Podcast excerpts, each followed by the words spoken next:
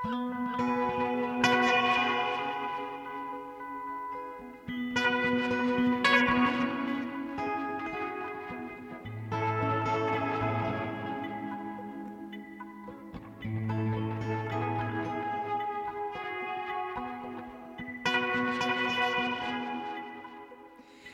sæl og blessuð, við sjá helsar ágetur hlustendur þriðju daginn 20. og 9. desember. Við horfum aftur í tíman í Víðsjá í dag reyndar ekki svo íkja langt og við horfum líka fram í tíman reyndar ekki svo íkja langt heldur Greta Sigriður Einarstóttir, hún ætlar að fjalla um áramóta heit í þættinum í dag um það hvernig gekk að standa við þau á árinu sem að senn er liðið og hvaða heit hún hegst strengja fyrir næsta ár. Mögulega lofa einhverju og kannski svíkja það strax daginn eftir sjáum til hvað setur með það. Við setjumst líka niður með myndlistarkonunni Áslögu Írisi Katrínu Friðjónsdóttur sem sínir um þessar myndir nýverk í Norr 11 við hverfiskötu, þetta er galleri og verslun. Áslaug segir frá áhuga sínum á tungumálum og táknum hverstagslegum efnum sem kallast á við ekki eins hverstagsleg tímabil listasögunar og áhrif frá New York þar sem Áslaug Íris bjó um tíma. Við skreppum líka til Kína og heimsækjum nafntóða borgs og við ætlum líka að rifja upp ræðu eða ávarp sem að flutt var í Lundunum í april fyrir á þessu ári og vakti töluverða aðegli. Við ætlum að stinga okkur inn í COVID, tíma þegar COVID var í algleimingi og enginn vissi hvað yrði en endurfundir fólki sannarlega og að gefnu tilefni ofarlega í huga. En eh, talandi um COVID, við skulum byrja á því að fara í ferðalag til Þeirrar borgar sem líklega var oftast nefnd á þessu ári, borg ársins mögulega og já, hún er í Kína, leðsögumadur Arnar Guðjónsson, tónlistamæður. Bráðum kemur betri tíð með blóm í haga, sæta langa sumardaga.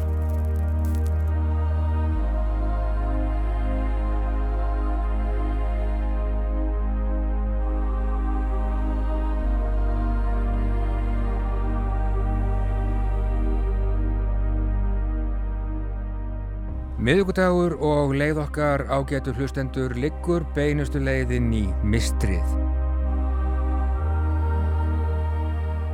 Við höldum ótröð en eigað síður dáliti döpur inn í gráa þóku.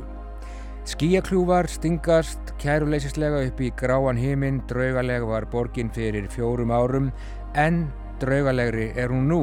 Við erum ekki á leiðinni á markaðin, svo mikið er víst.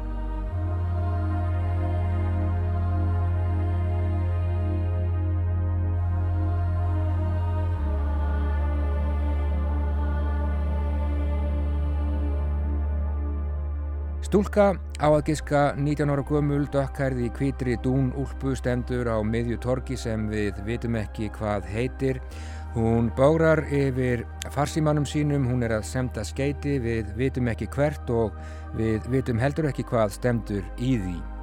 Fáir staðir hafa verið meir í fréttum að undaförnu en borgin Wuhan, höfuðborg Hubei hérads í Kína, Vegna veirunar sem við borgina hefur verið kend, þótt reyndar sé búið að breyta nafni hennar nú, það var gert í gær, nú tala menn um COVID-19. Wuhan er fjölmennasta borgin í mið Kína, yðnarborg þar búa ríflega 11 miljónir manna, en þangað fer engin núna, þótt enn megi sjá á túristasíðum, á netinu, setningar á borðið Þú mönt elska Wuhan og í kjölfarið er ferðamönnum bent á að minnstakosti fimm ástæður til þess að heimsækja þessa borg sem komst óvænt í heimsfrettirnar þegar veiran greimtist þar. Yfirvofandi heimsfaraldur nú eða ekki óvinnur heimsins númer eitt það vitum við ekki enn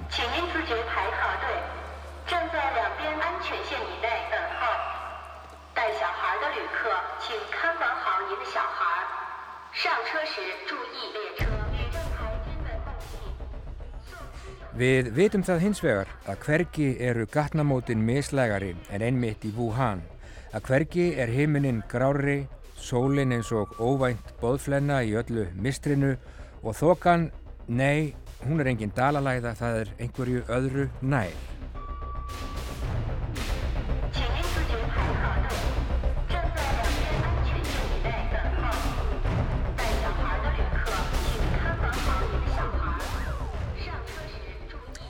Tónlistamæðurinn Arnar Guðjónsson heimsótti Wuhan í tvígang á öðrum áratug 20. og 1. aldar. Þessar heimsóknir urðu innblástur að tónverki, plötu sem kom út fyrir sléttum fjórum árum í februar árið 2016 og helguðer grári þokunni í Wuhan nefnist Grey Mist of Wuhan. Arnar fer með okkur í gegnum nöturleg útkverfin í brúnum strætisvagni og einhver drekkur absint undir brunni. Arnar breytti borginni í tónlist. Við skulum fara í ferðalag til Wuhan í Kína. Við skulum dvelja um stund í þokunni.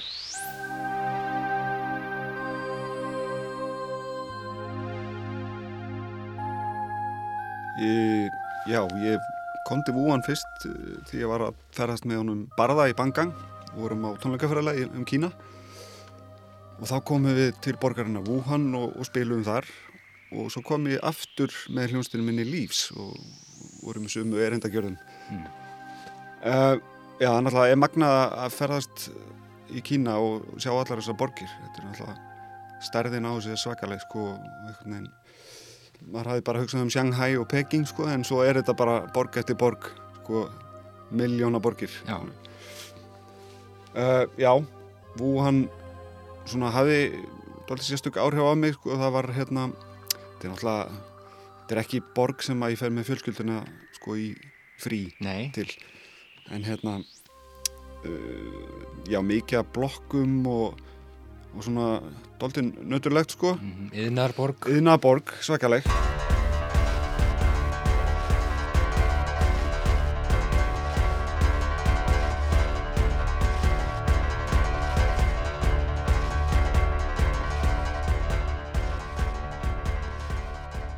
var doldið sérstætt á þessum tíma sem, sem þegar við vorum hann það var verið að byggja svona hraðbraut inn í borgina. Þannig að við þurftum sko, hún var ekki komin í gagnið þannig að við vorum svona, þurftum að þræða út hverjum alveg og svona til að komast inn í miðborgina.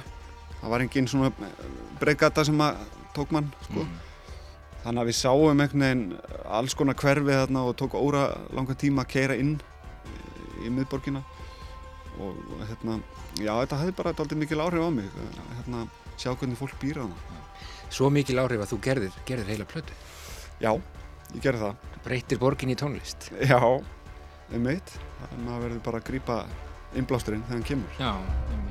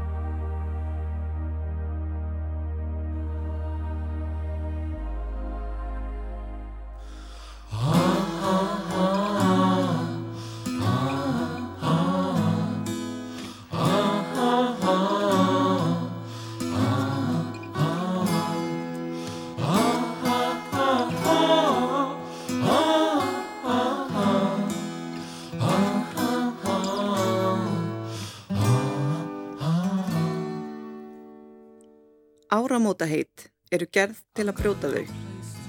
Þetta er vinsalt viðhorf um áramótin, en það talsvert auðveldara fyrir sálartetrið að standast eigin væntingar ef maður gerir engar kröfur til sín. Ef þú gerir ekki tilraun til neins, þá getur þér ekki mistekist. Eftir því sem árin líða hefur mér þótt einlag markmiðasetning í uppafi nýs árs æg meira heillandi. Það breytist kannski ekki mikið á sekundubrotinu milli 1 mínútu í 12, 31. desember og 1 mínútu yfir 12, 1. janúar, en í minni eigin æfisögu hefst nýr kapli. Með því að setja mér markmið legg ég upp með tilraun til að hafa stjórn á því hvernig saga mín þróast. Ég strengti áramóta heitt í upphafi 2020. Þetta var sígrænt markmið, líkast til annað algengasta áramóta heitið á eftir því að lifa helbriðari lífstíl. Ég ætlaði að lesa fleiri bækur. Ég hef alltaf lesið mikið en árið 2019 var lestur í lægð. Það var nóg að gera í vinnunni og eftir langan dag af að lesa texta af skjá hafði texti á síðum ekki nógu mikið aðdáttarafl. Í umræðu um jólabækurnar það árið hafði ég látið næja að vera hlutlaust áttakandi og fannst ég að endur taka æ ofan í æ. Já, einmitt, ég er búin að heyra goða hluti. Hún fær beint á listan. Þegar púðurliktinn fylgti vitin á gamlársdag og sprengingarnar dundu og hlustu mínum, leiti ég við liðið ár og fann að ég var farin að sakna þess að lesa meira. Meðan tappadansinn dunaði, hugsaði ég um hvað ég óskaði að 2020 bæri í skauti sér. Þetta sett ég efst á listan, ein bók á viku 2020. Ég byrjaði stert, las jólabækurnar upp til lagna og tók aftur upp síð sem ég hafi tamið mér mörgum árum fyrr að halda lestrardagbók. Ég las Svínsöfuð og Borna Kræm. Ég las Kraftin og Kvítfeld og Nautas í botn. Ég las sjálfsagt líka einhverjar bækur sem voru ekki skemmtilegar en ég er sem betur fyrir búin að gleima þeim. Það skiptir ekki öllu máli Í janúar var ég allavega á undan áætlun. Svo skall faraldurinn á. Það var áfall sem þurfti að takast á við, breyta eigin hegðun og bregðast við breyttu ástandi í atvinnulífinu. Þegar ég varði meiri tíma heima hjá mér, brá skindilega svo við að flest önnur klassisk áramótaheit fóru að uppfyllast eins og af sjálfu sér. Ég fóru að elda meira heima við, hotlar í mat og prófaði mig áfram í eldusinu. Ég hreyfiði mig reglulega og svefnin hefur ekki verið í betri rútínu frá því hún var stjórnað af fóröldrum mínum. En ég gati ekki lesið. Það var stutt í kvíðan yfir ástandinu og í stað þess að setjast niður með bók reyndi ég að slökka á hugsununum með því að kveikja á þáttum um reynverulegar húsfreyjur í borgum viðsvegarum bandaríkin, blinda ást eða tígurkonga. Eina bókin sem náði að fanga aðtekli mína var vísindaskaldsagan Wheel of Time eftir Robert Jordan. Fantasia í 14 bindum. Svo kom sumarið og smitum fór að fækka. Uppsafnað eirðarleysi liðina mánada fekk útrás og innanlandsferðarlegu hingað og þangað heldur mér upptekinni. Ég var alltaf með nokkra bækur í töskunni en var lítið ágengt. Helsta bókmentaverkið sem ég gætt streikað af leslistanum mínum var Þar sem óheimjötnar eru, barnabók sem árskamalli sýsturdóttur minni áskotnaðist. Þegar vaksandi tíðni smita rak mig aftur heim með haustinu var ég komin á sjöndu bók í Wheel of Time en staplin af öðrum bókum á náttborðinu hækkaði bara hægt og rólega. Á endanum var jafnvel fantasían farin að sapna reiki. Ég var ekki bara sagbitin vegna áramóta heitisins. Ég saknaði þess að sökva mér í bók, slökva á umheiminum og leifa hugmyndum og orðum annara að vekja með mér nýjar upplifanir og hugsanir. Það jók enn á samviskubitið þegar ég heyrði fréttir af stór auknum bóklæstri fólks í samkomiðbanni. Það var langt liðið á árið þegar stíplan brast. Eitt sunnudagsmorgun satt ég á kaffihúsinu á kjarvalstöðu. Ég hafiði með mér nýja bók sem leið hafi heima hjá mér óopnuð í einhver tíma. Ég pantaði mér svart kaffi á smáköku og satt svo smá stund og starði á framhliðina á tíkinni eftir Pílar Quintana. Bókin fjallaði um óuppfylta þrá konu eftir að verða móðir og grimd náttúrunar. Ekki byggt létt með því. Ég opnaði bókina á hóflæsturinn. Í stað þess að fyllast óþreyju og loka henni aftur eftir hálfa blaðsíðu, fletti ég á þá næstu og svo næstu þar til kaffið var löngu orðið kallt og bókin búin. Er ég las síðustu blaðsíðunar hljómaði lægið All of Me með John Legend gegnum hátalarana á kaffihúsinu.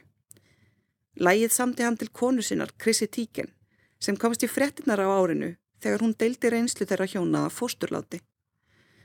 Ég veit ekki hvort það voru orð hinnar kolumbísku pílar, ljúfsárir Tónar Jones eða minningin um myndir Chrissy af sári reynslu þeirra hjóna en augum mín fyltust af tárum.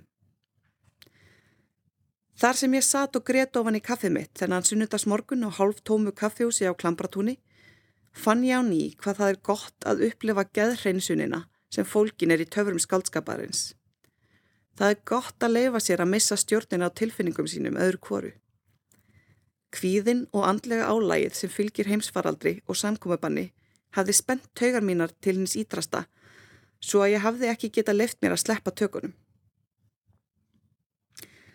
Síðan þá hef ég ekki lesið bók á viku og ég er ennþá á bók 7 í Wheel of Time. Líðan mín sveiplast ennþá með því hvort Þórólfur er bjart sítn eða brúnaþungur á upplýstingafundum og ef ég hef enga erði í mínum beinum get ég ekki notið þess að lesa. Ég hef hins vegar ákveðið að sleppa því að hafa samviskubitt. Kanski einmitt þess vegna hef ég öðru kvoru getað týnt mér í bókum á ný. Ég hef lesið ljóð, smásögur, nóvelur og skáldsögur og tárast yfir að minnstakosti einni ljóðabók til viðbótar. Ég las minna árið 2020 en ég gerði árið áður en ég fann hvað ég saknaði þess og hvað góð bók gerir fyrir mig. Eftir þetta ár heilbriðs lífstíls en lítils bóklægsturs, hreyfingar og heimagerðs matar en forra ljóða, árið sem ég þverbraut áramótaheitið mitt á fyrsta ársfjörðungi, hef ég þegar ákveðið áramótaheitið fyrir 2021. Meiri óleipnað, óheilbriðari lífstíl og fleiri bækur. I've got a little place to myself up on the stony ridge. I got it made in the shade. I sleep until the afternoon, leave my bed unmade. No one breathing down my neck. Black coffee in a shade. I whistle a little of whatever AM radio plays. As for letters and provisions, well, long walk to the corner shop It's January heat, it's a big decision to either think of you or not. But I send you a New and I hope you will remember me like this. Like this, I send you a New Year's kiss.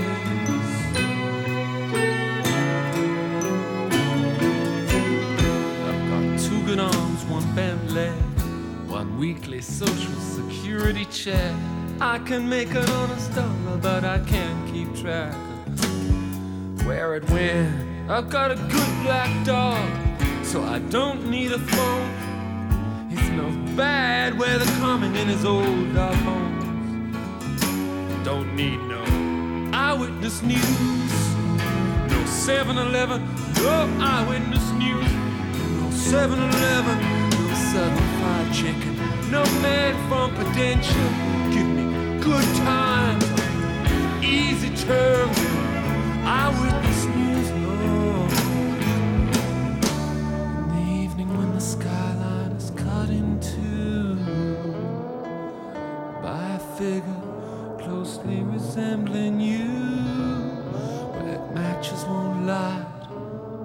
And I double take wind shutters to a halt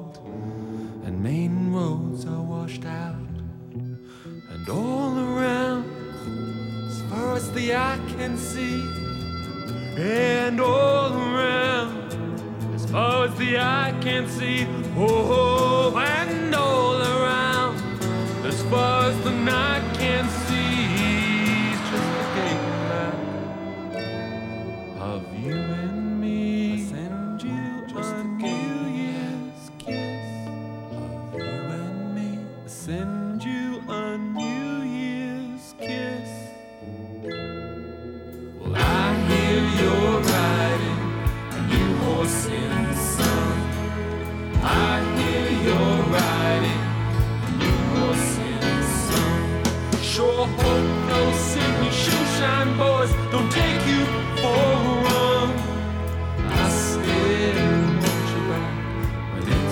said and done. I send you a New Year's kiss and die.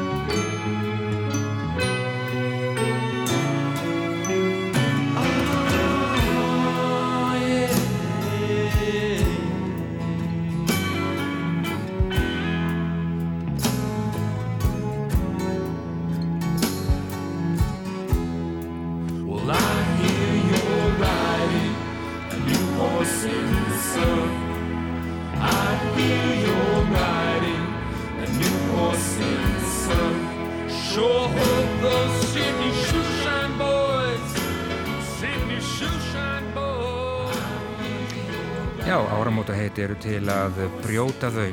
Áramótaheit Gretu Sigríðar Einarstóttur fyrir árið 2001. Einfalt, meiri ólefnaður, óheilbreyðari lífstíl og fleiri bækur. Ástrálska hljómsutinn The Triffids með hjartnæma, ennum leið trega fulla nýjáskveðju í lokin. Já, fleiri bækur við tökum Gretu á orðinu og opnum þegar í stað bók. Reyndar ekki alveg á tilvílana kendan hátt, heldur bara reynd alls ekki tilvílana kendan hátt við förum til Svíþjóðar.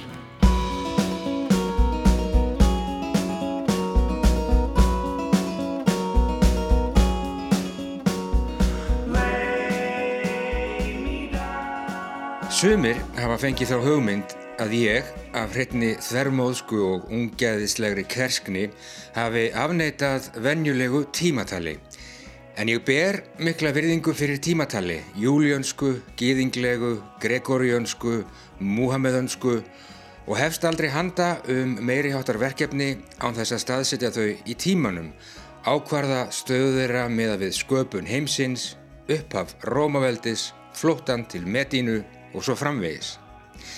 Þeir sem áfællast mig fyrir að hafa brenglað réttu tímaskinni með óviður kvæmilegu tali láta sennilega stjórnast af yllum kvötum. Hverjum ætli sé verulega í mun að kasta fyrir róða þessum lúðu almanökum og þeirra hefðbundnu fölsunum hver ætli þóri að mæta fyrirvörum sögunar á slittnum þrepum myrkursins án grímu og samhengis tímans.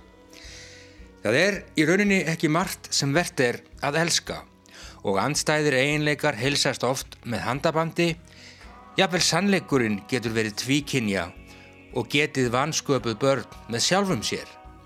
Hvernig ætti raunar sannleikur veiðimannsins að samrýmast sannleika bráðarinnar? Samviskan og réttlætiskendin geta viltum fyrir okkur með einföldum hrolli. Yfirleitt virðast beinin sem veraldarsagan flegir til okkar vera heldur mögur og skinin. En hinga til hef ég aldrei hirt þess getið að henni hafi tekist að slöngva sannleikum, samviskum eða kjötbeinum út úr tímatalinu. Enda þótt ég þurfi kannski ullar rýjur og uh, heita bakstra til að halda lífi í veikleikum mínum og trúargreinum, hlíti ef að þvertaka fyrir að ég hafi snúið baki við jafn altæku þarfaþingi og tímatalinu.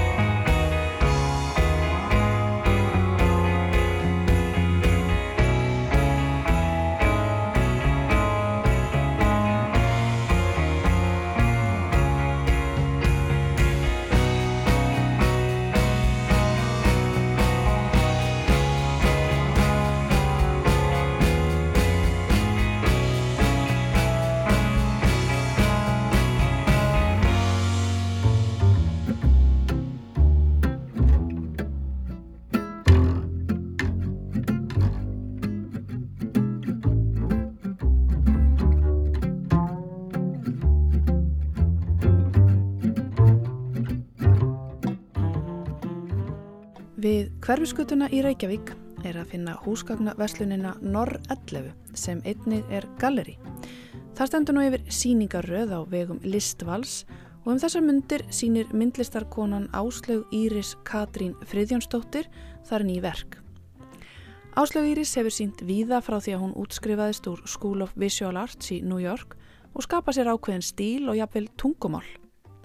Ég hitti Áslaugu Íris í fínum sofa í fítni búð við hverfusgötuna eldsnemma í morgun.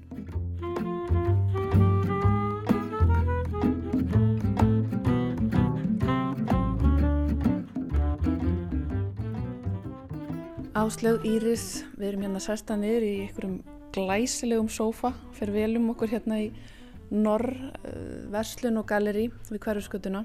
Þínar uh, skemmtilegu og fagru og áhugaverðu myndir hanga hérna um alla veggi og þú ætlar að segja mér og hlustendum frá þessum verkum og hvernig svona þitt myndmál hefur þróast í gegnum tíðina. Þú hefur verið að vinna svo skemmtilega með efni á áhugaverðan hátt og myndmál, tungumálið og hérna sjáum við tákn, einhvers konar óraði tákn sem ég vil á kannski segja okkur aðeins frá. Steinskrift heitir þessi síning, hefur að byrja þar? Já, einmitt, steinskrift, þetta títillin kom svona til mín eiginlega bara, já, þegar ég var búin að gera verkin, þau náttúrulega, uh, verkin mín eru unnin, að, já, flest sem að hanga hérna uh, í fúu, ég nota fúu sem ég ber á plötur uh, og svo risti ég ofan í fúuna þegar hún er enþá blöyt og þannig myndast teikning og svo vinn ég ofan á þann flöt uh, málverk og festi líka steina á, steina sem ég finn í náttúrunni og líka stundum svona línoljödúk og já, þannig verða verkinn til. Þannig að þetta er uh, steinskrift uh, titillin, þetta er bæði það að rista ofan í efni sem er svolítið, verður eins og stein þegar það þóttnar svo er ég náttúrulega líka að nota þessa steina. Og svo eru táknin það sem að maður sér og horfir á þegar málverkin eru tilbúin. Uh, þau eru svolítið þau koma verða til úr eldri verkum og ég er svolítið svona að nota þau aftur og aftur og svo þróast þau náttúrulega líka bara með tímanum. En uh, þá er ég svolítið að hugsa um einmitt myndmál og gömul, gömul svona gömul tungumál eins og bara eða já, myndmál eins og híroglífur og, og, og þú veist og eins og gríska stafróið og, og eða bara okkar stafróð sem að í raun og veru eru bara abstrakt form þegar maður horfir á þau þannig að mm -hmm. mér finnst það svolítið áhugavert mm -hmm. hvernig það þróast Þú hefur í svolítið tíma verið að spá í svona tungumál og myndmál og hvernig já, svona hvernig tákn geta verið einhvers konar samskiptaform kannski. Hva, hvaðan sprettur þessi áhuga á? Er þetta, er þetta gamla egífska myndmálið og maður hugsa kannski líka með rúnir þegar maður sér þess að steina liggja á við og dreif. Hva, hvaðan kemur þessi áhuga? Uh, ég er náttúrulega vinn með abstrakt myndmál og uh, verkin mín eru samt náttúrulega fyrir mér, þau eru mjög persónleg og það er einhvern veginn ástæði fyrir öllu og maður er líka bara sem myndlistamæður og þegar maður er að vinna þá er maður alltaf að svona með tímanum að skilja betur og betur það sem maður er að gera og í leiðinni veldi maður því fyrir sér hvernig áhörandin hvernig áhörandin skilur það sem maður er að gera og hvernig áhörandin horfir á og mér finnst þetta oft vera svolítið eins og tungumál. Og ég hugsa svolítið oft ég hugsa oft um sko þegar fólk er að hlusta á tungumál sem það skilur ekki hvenar byrjar fólk að skilja hvenar, og hvernig hlustar fólk á hvað heyrir það hvað, hvað stendur upp úr og hvað tekur það til sín og, og, og svo náttúrulega bara með tímanum þá skilur alltaf betur og betur og þetta er svolítið þessi nálgun sem að kemur til mín mm -hmm. Svo við tölum aðeins um þessi form sem að þú hefur verið að þróa gegnum tíðina þá finnst, uh, þá er svona það er eitthvað svona mótenísk áhrif í, í þessum formum er það ekki? Já, þessi form þau spretta svolítið úr eldri verkum sem ég hef gerst og, og ég, þegar ég er að vinna þá er ég oft að horfa aftur og horfa í listasöguna en samt svona til mismundi tíma eins og bara með um, eins og með efni þú veist ég nota oft uh, línolíundúka og þá er ég svolítið að vísa í sko bara marmara og, og hérna og uh, bara þegar þegar veist, skulduristar voru að vinna með þessa dýrmætu hérna, steina og, og, en ég er bara hérna í Íslandi og ég er að þú veist, ég nota línolíundúka svona eins og góldúka sem maður sér bara í á hérna baðherbyggjum og skólastofum og, og svona þannig að e, já og formin þau eru oft e, þessi mest afgerandi form þau eru svolítið tengd í mótanískan tíma og ég finnst bara alltaf gaman að spila þessu öllu saman mm. og hræra þessu öllu saman og láta þetta virka í samtímanum mm -hmm.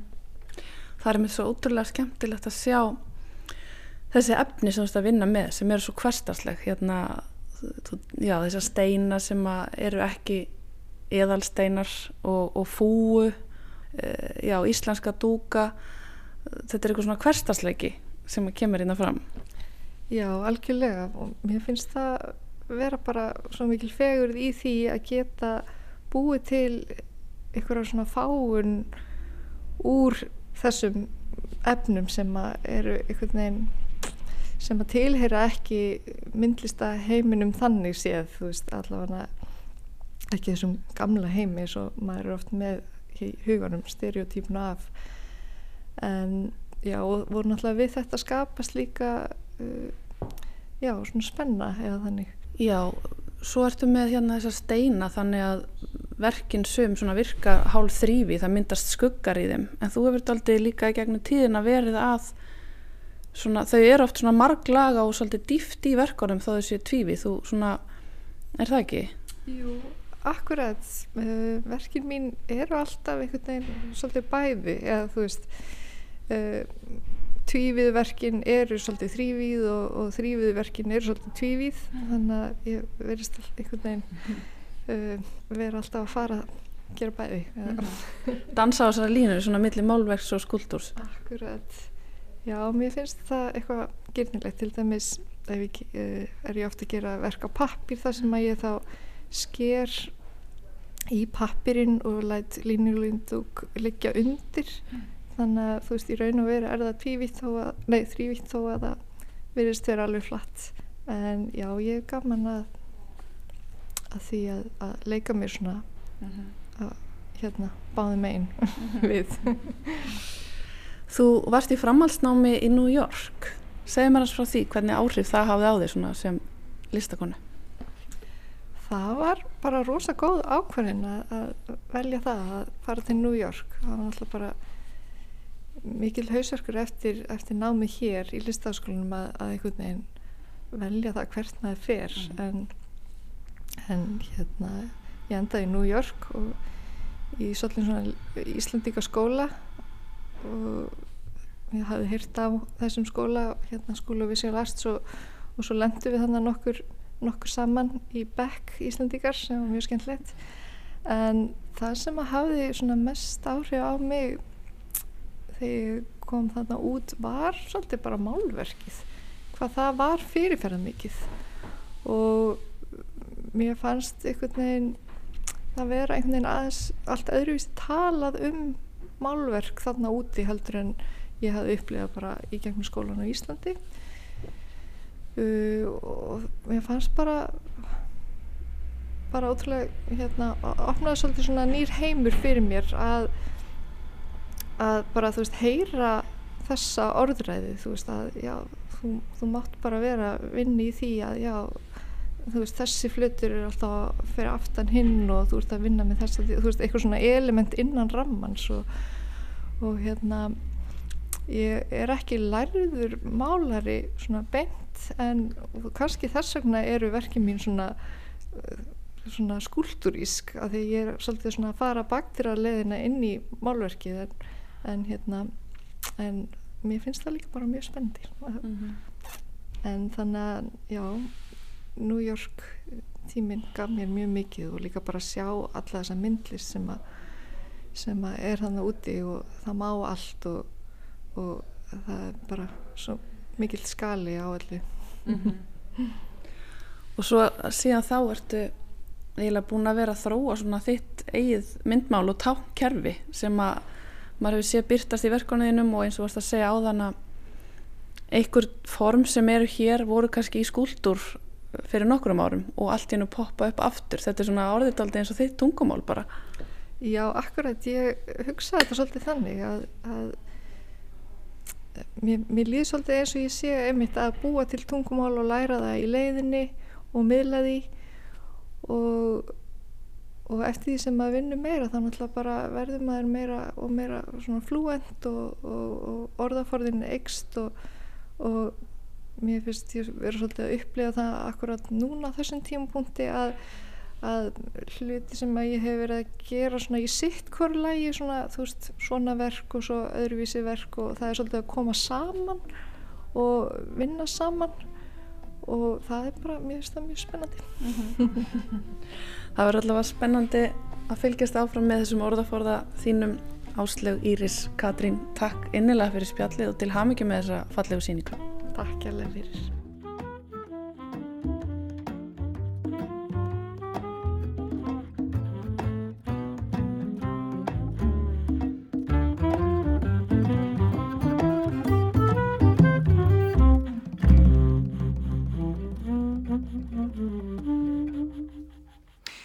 Já, Halla Harðardóttir og Áslaug Íris Katrín Friðjónsdóttir í mestum agindum í Norr 11 galleri og verslun við hverfisgötu í Reykjavík. Hér er við sjá á fymtu degi milli jóla og nýjárs en það er allur tími í einum tíma hér í Víðsjá í dag. Það er sannlega desember ágetur hlustendur og árið 2020 bráðum búið en það er líka apríl á þessu sama ári Svo langt í burtu, samt svo nálægt, bráðum kemur betri tíð með blóm í haga og svo framvegs we'll meet again. We should take comfort that while we may have more still to endure, better days will return. Let's say goodbye with a smile, dear. We will be with our friends again. We will be with our families again. We will meet again.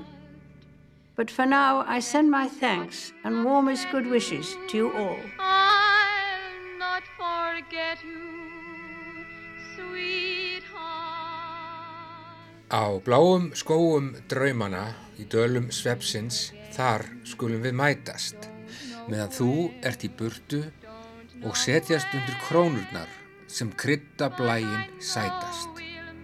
Á bláum skóum draumana í dölum svepsins, þar skulum við gleyðjast þanga til þú kemur þá gleymir kvorugt ástinni og engin þörf að hvaðjast. I said it before and I'll say it again. Life moves pretty fast. You don't stop and look around once in a while, you could miss it.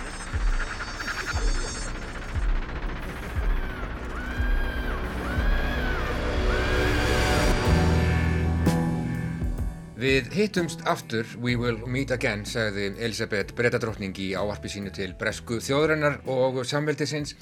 Á sunnudag hún vittnaði auðvitað í slagaran sem söngkonan Vera Lynn gerði heimsfrægan á árum síðari heimstyrjaldarinnar. Já, we'll meet again söng enska söngkonan Vera Lynn, don't know where, don't know when og breytti hjörtu út um allan heim einmitt þegar heimurinn þurfti á því að halda. Við hittumst aftur, ég veit bara ekki hvar og ég veit ekki hvenar. Hveðjumst með brós á vör. Við þurfum að vera aðskilinn í stuttan tíma, ekki láta hveðjustundin að koma þér úr jafnvægi. Ég gleymi þér ekki ástinn mín þetta söng vera linn árið 1939 og bæti við, ég er sannferðum að við hittumst aftur einn góðan veðurdag þegar sólinn skín og bláir himnar reka hinn dimmu skí á brott. Stöndum saman, sagði drotningin við þjóðina og samveldið á sunnudag. Saman munum við vinna bög á þessum sjúkdómi. Ef við stöndum saman og erum einbeitt og ákveðin í baráttunni þá munum við hafa betur.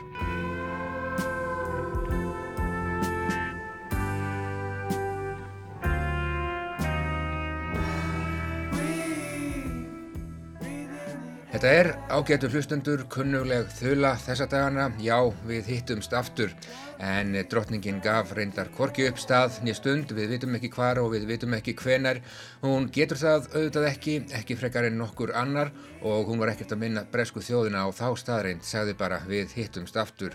Og við auðvitað botnuðum um leið, veit ekki hvar, veit ekki hvenar, einn ég sitt og sauma. Let's say goodbye with a smile dear just for a while, dear, we must part.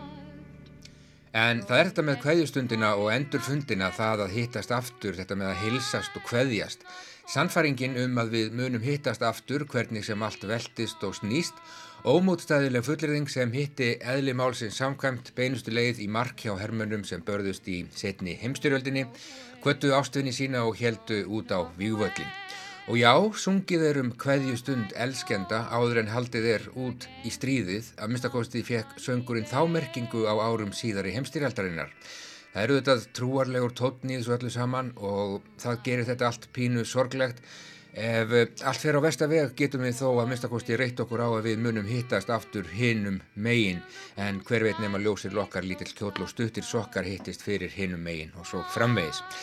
Það er ekki beint tilhlökkun í læginu sem að Vera Lind söng svo eftirminnilega árið 1939 miklu fremur tilraun til að uppörfa eða hugreista Ekki örvænta, kæri vinu, við hittumst aftur þótt ég viti raunar hvorki hvarn ég hvenær. Ég skal heilsa þeim sem þú þekkir og segja þeim að þú verður ekki lengi í burtu að þegar ég horfið á eftir þér varstu að raula nákvæmlega þetta lag We'll Meet Again. Ég hef saknað þín svo mikið. Frá því síðast er ég sá þig. Erindið sem Elisabeth Breitadrottning flutti þjóðsynni og gjörvöldu samveldinu á sunnudag var einungist að fymta formlega sem hún heldur fyrir utan hinn hefðbunnu jólaávörp á tæpum 70 ára ferli sínum sem drottning breska samveldisins. Fyrst áarpið flutti hún úr sömu höll Vindsor Kastala árið 1940 Og já, we will meet again, þessi fjögur orð, loftbelgurinn sem við svífum á þessa dagana og treystum að munni færa okkur á hárréttan stað á hárréttum tíma eftir mjúka lendingu. Fólk er auðvitað þessa dagana að velta þessu fyrir sér hvað gerist þegar við hittumst aftur, þegar kófinu líkur, fólk er að hugsa um endur fundina í margskonarmerkingu þessu orðs og já, ég er að tala um endur fundi.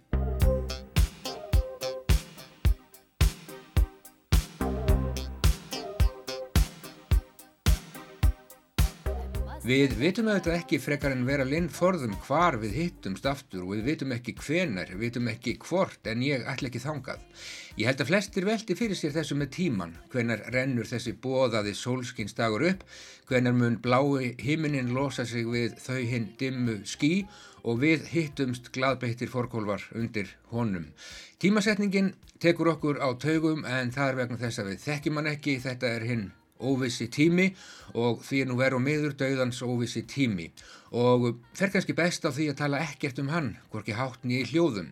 Betri dagar eru í vændum, sagði ríflega nýraði drotningin í Vindsor Kastala á sunnudag og það er engin tilviljun að hún komst nákvæmlega svona að orði. Okkar vestamartröð er kannski ekki svo að deyja af völdum koronavirunar heldur svo að setja pikkföst í nákvæmlega þessu ástandi til eilíðar, bundin við nákvæmlega þessa tilvist eins og hún er hér og nú hittast aldrei aftur. Við óttumst um ástfinni okkar en hvað okkur sjálf varðar þá óttumst við kannski það að geta hvorki lifað nýja dáið. Ég óttast það að hitta þig ekki aftur kæra vinkona, ég óttast það að geta aldrei aftur fært þér rósir, gengi með þér um strönd sem er öduð sandi og kossum. Ég hef saknað þín svo mikið frá því síðast er ég sá þig. Ef ég væri óðamála spámaður í kvítum kubli með ótakmarkað ímyndunarafl myndi ég hygglust kasta fram funheitri dagsetningu en algjörlega án ábyrðar fullir það að það sem við eitt sinn kölluðum veruleika muni vitrast mér á vindasömmum degi og bam, við varum snún aftur til fyrra lífs. En ég er ekki spámaður, heldur bara heimavinnandi útvarpsskunkur að fylgjast með hröfnunum. Staðan eins og hún er nákvæmlega núna býður ekki upp á annað en að söngla fullur vonar. We'll meet again, frekar mjó, róma og varfærnislega við undirleik orgels sem gæti somt sér ágætlega í mjög fámennri jarðaför. Don't know where, don't know when, snar þakna síðan og fara að leita staðnum. Þar sem við munum svo sannlega hittast aftur bjóða upp á algjörlega COVID-laust spjall, skiptast á rósum, andvörpum og rósum, krína hvort annað rósum, anda alheiminum að okkur en líða um leið aftur inn í heim þar sem hlutirnir heita sínum réttu nöfnum sem kannski voru allan tíman raung.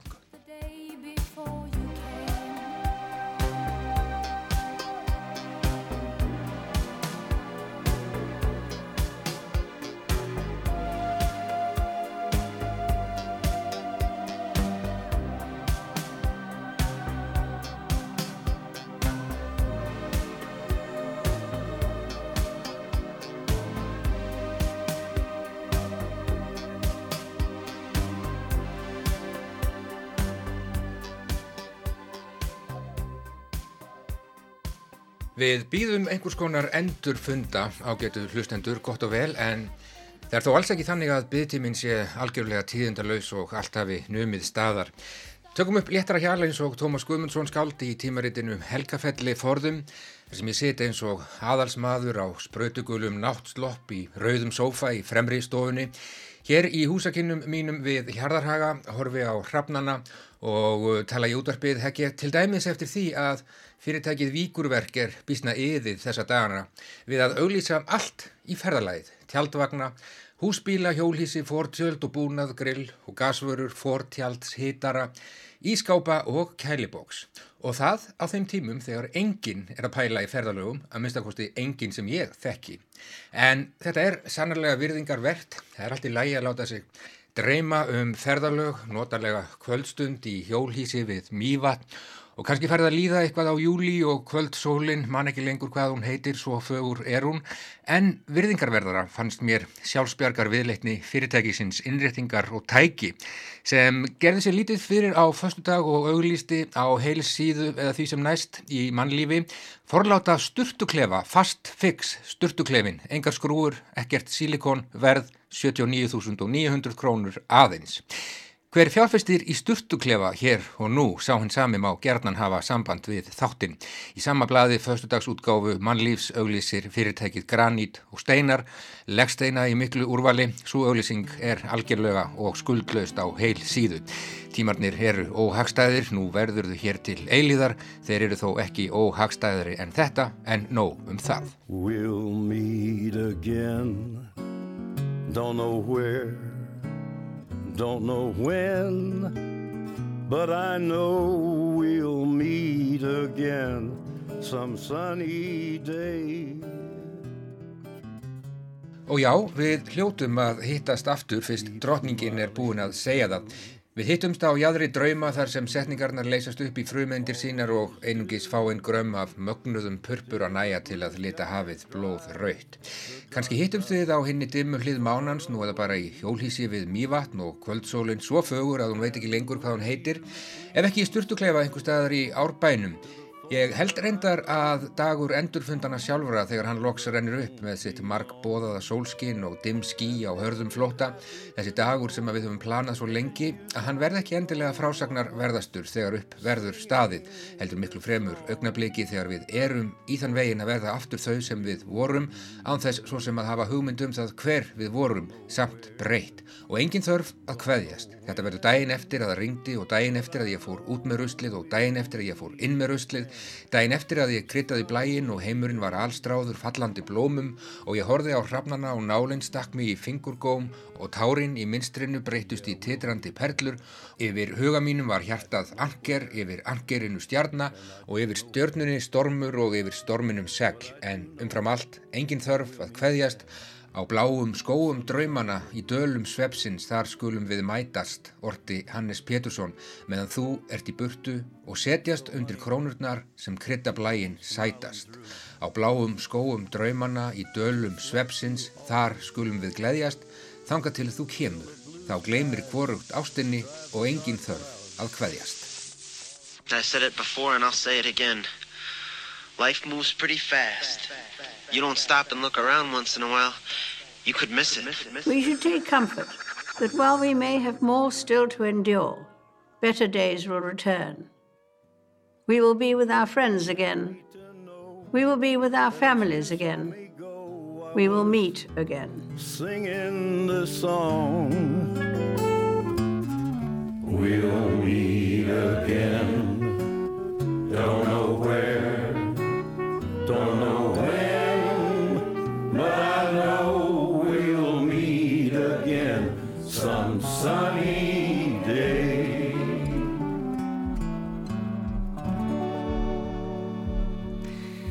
Já, we'll meet again við hittumst aftur sjálfur Johnny Cash hér í lokin allur tími í einum tíma í Víðsjá í dag. Þetta var í apríl fyrr á þessu ári svo langt í burtu samt svo nálægt. Jóni Kass síðastur á mælendaskrá í Víðsjá í dag. Viðsjá hér aftur á sínum stað löst eftir klukkan fjögur á morgun síðasti. Viðsjár þáttur ársins 2020. Teknimaður í þessari útsendingu en svo, svo oft áður var Úlfildur Eisteinsdóttir. Takk kærlega fyrir samfélgina í dag. Verið sæl.